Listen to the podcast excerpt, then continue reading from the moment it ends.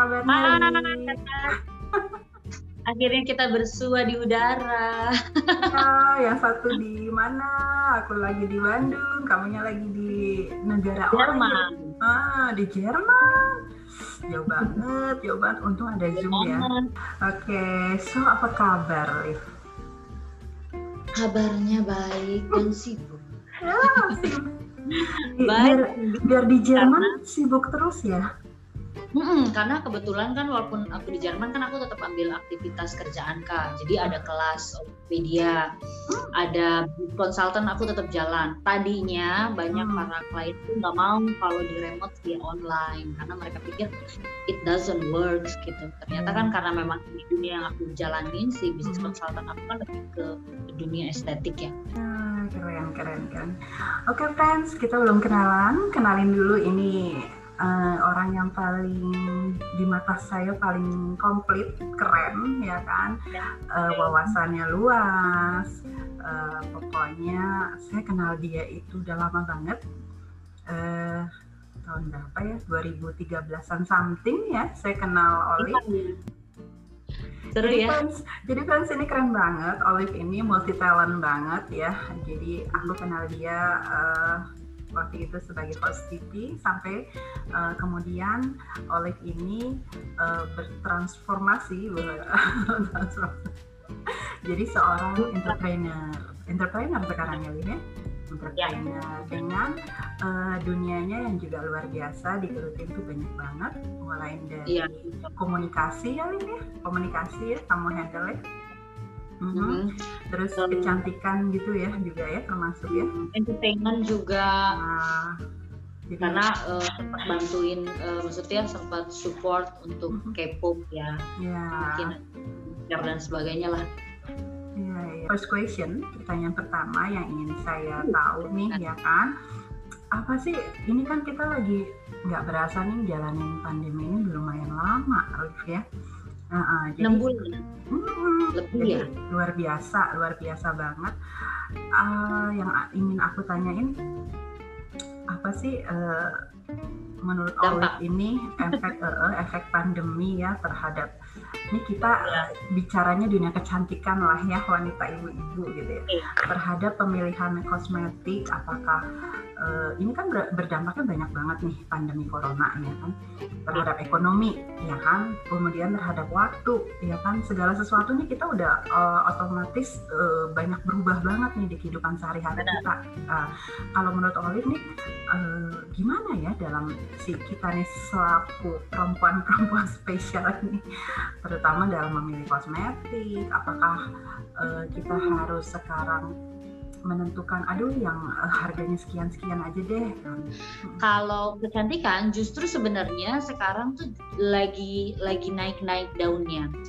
Eh, somehow banyak teman-teman kayak Arisa ibu-ibu yang tadinya nggak punya bisnis akhirnya mereka mulai bisnisnya justru dari kecantikan dan pada saat pandemi. Jadi ada beberapa orang yang memang justru malah meraup keuntungan dari situasi bukan meraup keuntungan ya. Artinya eh, dia pintar mencari celah uang ya ada peluang ya.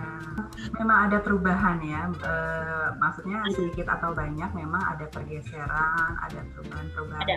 tren eh, di apa di di aneka eh, apa namanya aneka bidang ya baik itu kecantikan atau apa gitu ya dengan adanya pandemi ini gitu ya.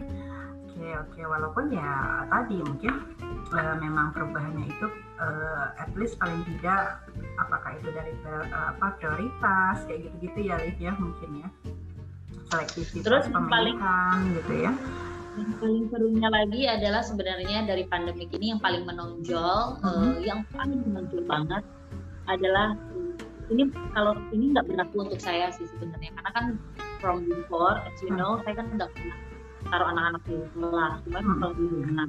Untuk ibu-ibu yang jarang sekolahkan anak-anaknya di rumah, yang milih sekolah di sekolah umum, sekolah negeri, sekolah swasta, whatever, sekolah di luar dan di rumah, itu berdampak sekali sama stres jadi aku lihat grup temen aku tuh dia suka screenshot gitu semuanya lucu-lucu banget komennya. And then mereka tuh biasanya all out dandan dress up mau arisan pokoknya do some activities di luar lah ibunya ya. Sekarang kan mesti diem di rumah. Si Ya. bapaknya juga di rumah anaknya sekolah di rumah jadi kayak stres Bersyukurlah kita yang punya pengalaman anak-anak eh, sekolahnya memang sudah terbiasa di rumah homeschooling ya. ya Nah, jadi memang eh, more and less-nya ya udah eh, perubahannya sih nggak terlalu jauh ya Liv ya. Ya itu tidak terlalu jauh Hmm. for work juga sebenarnya kan aku juga eh, independen lah ya tidak bekerja dengan siapa pun jadi kebiasaannya juga memang di rumah jadi kalau ngantor juga paling sebulan sekali apa apa yang tanda tangan gitu ya sisanya di rumah kan dan belanja. Nah, kalau menurut Olive sendiri gimana nih eh, mengenai eh, bisnis online ya saat ini? Terutama aku mau tanya sih yang di bidang kosmetik ya. Eh, ini kan memang dunianya Olive yang eh, apa saat Hmm. ini Olive benar-benar on the track nih di, di bidang kosmetik. Menurut Olive eh, perkembangan bisnis kosmetik di dunia online bagaimana? Eh, online platform sekarang tuh lebih keren-keren ya. Mungkin zaman dulu kita belum punya online platform. Eh, Hmm. pertama kali aku bisnis online adalah BlackBerry Messenger Group. Ingat gak sih zaman dulu? Ah, BBM. ya zaman dulu. It was like uh, 20 12 years atau 15 ya. Iya, 12 tahun lalu. Mhm. terus lah sekitar itulah ya. Dan aku tuh uh, dan zaman dulu kan belum pajak apa gitu kan belum terlalu yang heboh ya. Iya. Satu iya ya kan pokoknya dari dari bisnis itu tuh bener-bener meraup luar biasa itu Iya. zaman dulu BlackBerry jadi zaman dulu punya BlackBerry semua orang saya tanya punya ini nggak punya apa tuker tuker pin dong Pin, pin, pin, pin. Iya, jadi lumayan jualan di grup, cuma kan memang terbatas ya kalau BlackBerry Group itu. Dan memang eh, lebih intens pribadi kan. Kita harus kenal dulu orangnya, baru kita bisa invite. Iya. Baru selanjutnya kemudian broadcast. Nah sekarang lebih lebih keren lagi. Sebenarnya kayak Instagram aku lebih main untuk pribadi. Ya. Aku nggak mainin untuk bisnis, tapi Hmm. eh, saya kan ada staff atau tim yang memang khusus untuk eh, eh, apa namanya digital marketing lah ya untuk urus segala platform sampai Facebook, Facebook page dan sebagainya itu mereka yang urus. Nah karena Mhm. sekarang kerjaannya semuanya by online, jadi aku juga mau nggak mau harus turun, mesti cek dong, Mhm. cek ngecek ngecek. Eh, jadi ceritanya tuh coincidence gara-gara Ruby di bisnis eh, eh, as a sponsor K-pop itu kan kayak orang stres ha- ha- harus alihin apa nih biar biar nggak stres gitu ya. Paling fokus ya. Nah, sesuatu dari sedih ke happy apa yang aku suka. Mhm. mulailah otak atik di si platform. Jadilah muncul ide-ide akhirnya jualan. Tadinya kemarin sempat jualan barang-barang branded. Cuma kan branded itu kan segmented Dan nggak semua orang mau beli ya. Jadi akhirnya aduh kayaknya ribet nggak semua orang mau beli. Dan aku juga orangnya nggak sabaran gitu. Benar-benar. aku suka yang autopilot.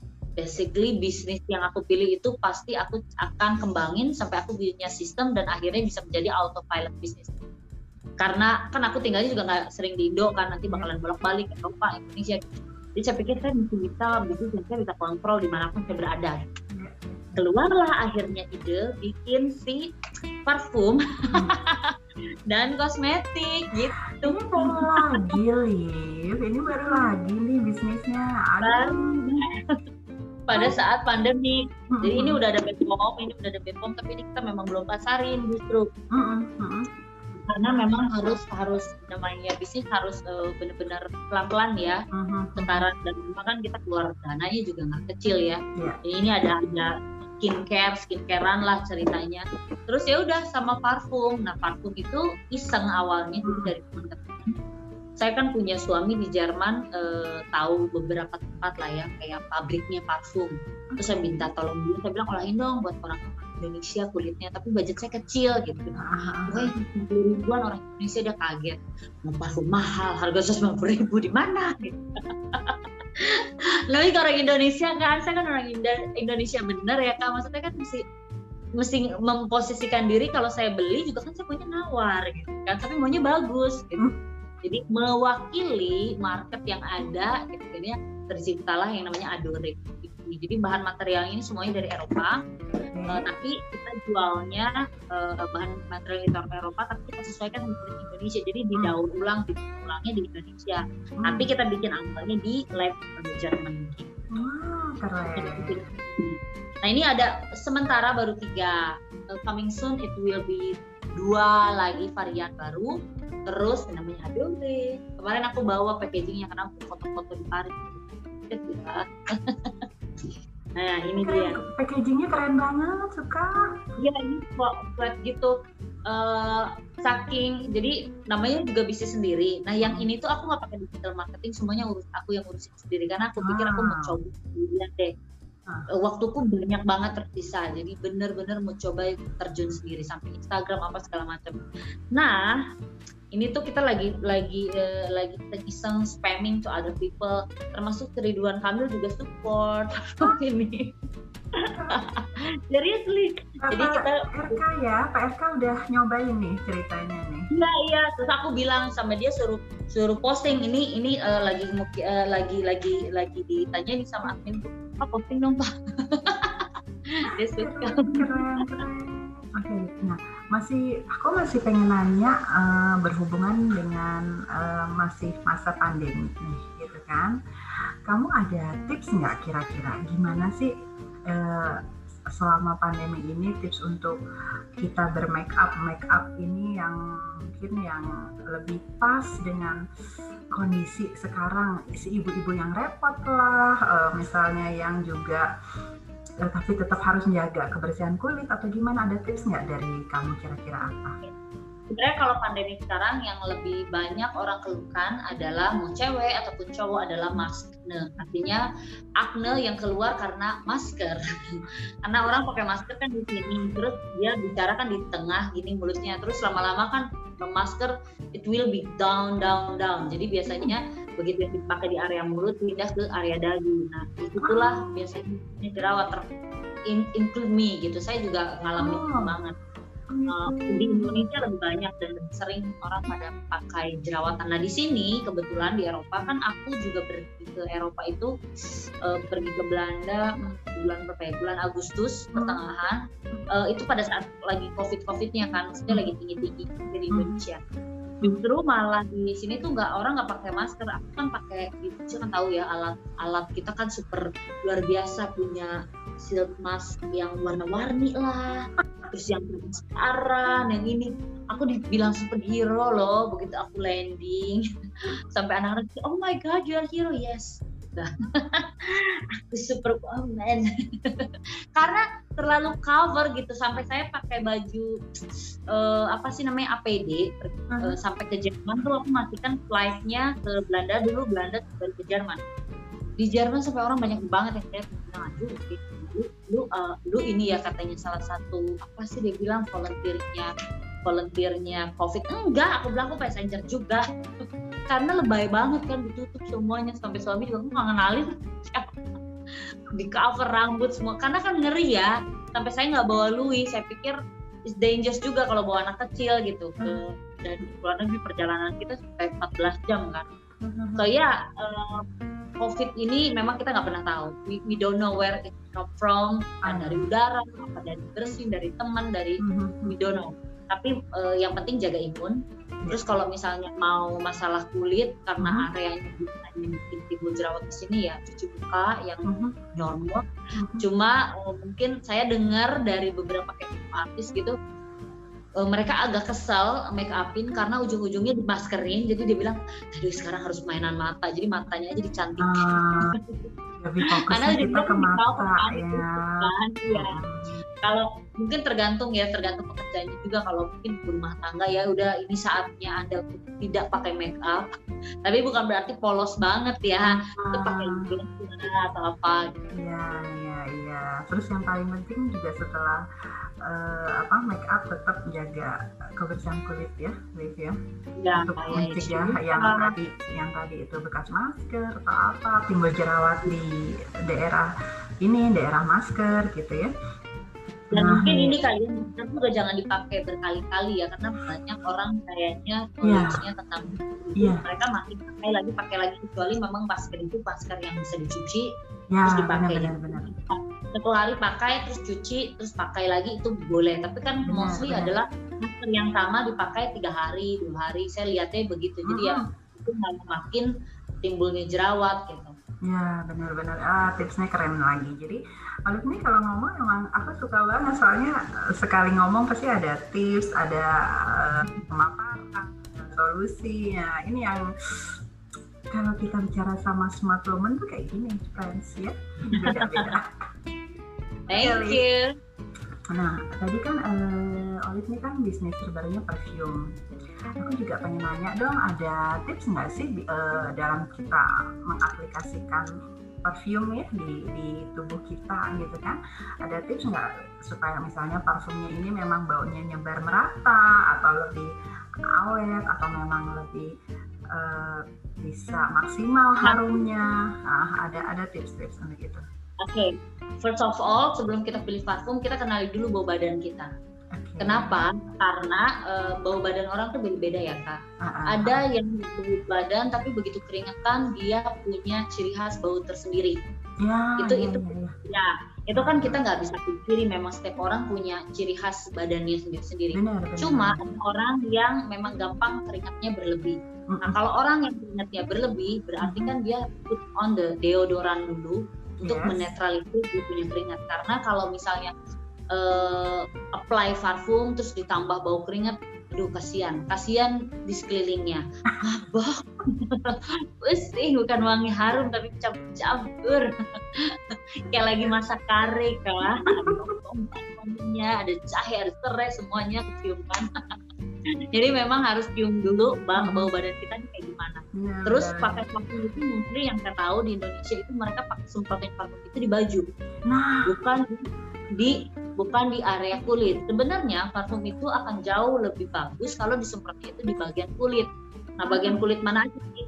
Nih ini ini ini yang biasa saya lakukan juga ya tapi bukan berarti uh-huh. um, mungkin cocok untuk semuanya tapi iya. at least uh-huh. harus menyentuh kulit bukan baju. Karena baju uh, why you have to put it in baju? Bajunya malah baunya nanti jadi apa gitu. Oh, so better pakai deo badannya kering pakai deodoran terus baru okay. semprot uh, parfum okay. didiamin dulu sampai agak sedikit kering terus nanti mulai taruh di bagian-bagian sini. Kalau saya taruh sini kalau dulu kan suka cipika-cipikin sini sini gitu ah, belakang belakang telinga. Telinga ah. terus sama di tangan. Udah. Jadi semuanya bertentangan sama kulit. Ah, I see. Uh, soalnya kalau di baju itu, baju kita akan rusak yang pertama. Terus yang kedua, uh, uh-huh. wangi dari parfum yang disemprotkan ke baju itu nggak selalu nggak langsung hilang setelah dicuci. Biasanya okay. masih menempel dan baunya bukan enak, cuma tambah enak. Oh. Terus parfum jangan yang oh uh, saya suka parfum mahal, gaya uh-huh. apa gitu. Uh-huh. Tapi cocok di kulit kita jangan paksain. Oh. Kalau menurut saya gitu, mesti sesuaikan dengan iklimnya Hmm. kalau saya punya eh, saya punya bukan berarti kita nggak konsisten ya. Di Indonesia tuh saya pakai parfum tuh ada beberapa kategori parfum. Uh-huh. Misalnya kalau siang saya pakai parfum apa? Saya juga nggak mau dong. Saya menurut saya enak, tapi menurut orang lain nyengat kan. Iya iya iya. Jadi saya mesti pilih parfum yang memang oh saya hari ini akan meeting di ruangan tertutup. Ya cari yang lembut-lembut. Oh, okay. oh nanti malam saya mau mau pergi ke acara nih. Kita kan biasa menghadiri acara kayak Sunshine lah atau arisan yeah, atau apa. yeah, yeah. itu wanginya agak-agak sedikit uh, nyala nih. Yeah, berarti wanginya yeah. beda. Hmm gitu. Nah ini keren banget tipsnya Oli. Makasih banget. Jadi uh, gitu friends. Nanti uh, pakai parfum kita coba terapin seperti yang dikasih tips ya sama Olive Slee. Nah, coba pakainya di daerah uh, belakang telinga, leher belakang, kemudian di tangan gitu ya.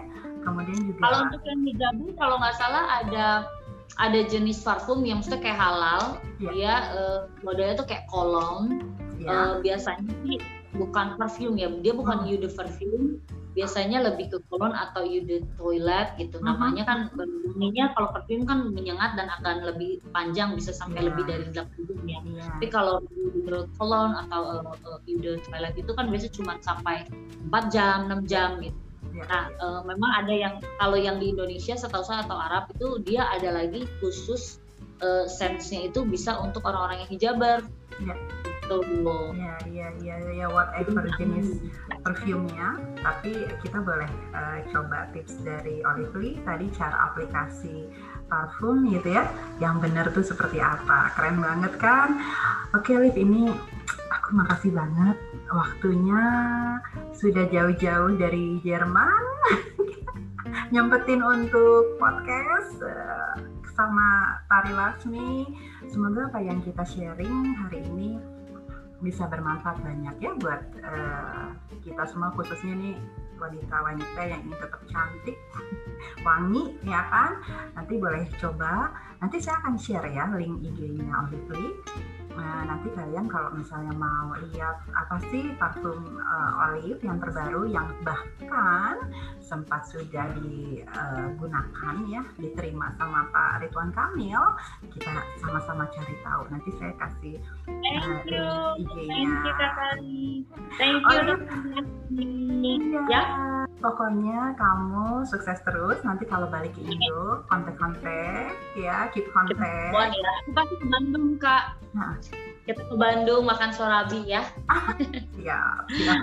Nanti Iya, pokoknya sukses terus buat Olive ya di baik di uh, Jerman maupun di Indonesia. Pokoknya sukses terus, terus menginspirasi. Nah, fans nanti kalian kalau lihat di IG-nya Olive nanti bisa tahu bagaimana Olive ini memang salah satu wanita yang menurut saya sangat menginspirasi mulai dari ide bisnis, mulai dari uh, apa pun yang dia lakukan menurut saya sih oke okay untuk kita jadikan inspirasi buat kita semua. Terus kalau kita Thank you, ya. Take care ya, di sana ya. Thank you for invite me. Sukses untuk Tari Laksmi and dan kita pasti akan ketemu lagi. Bye. Bye.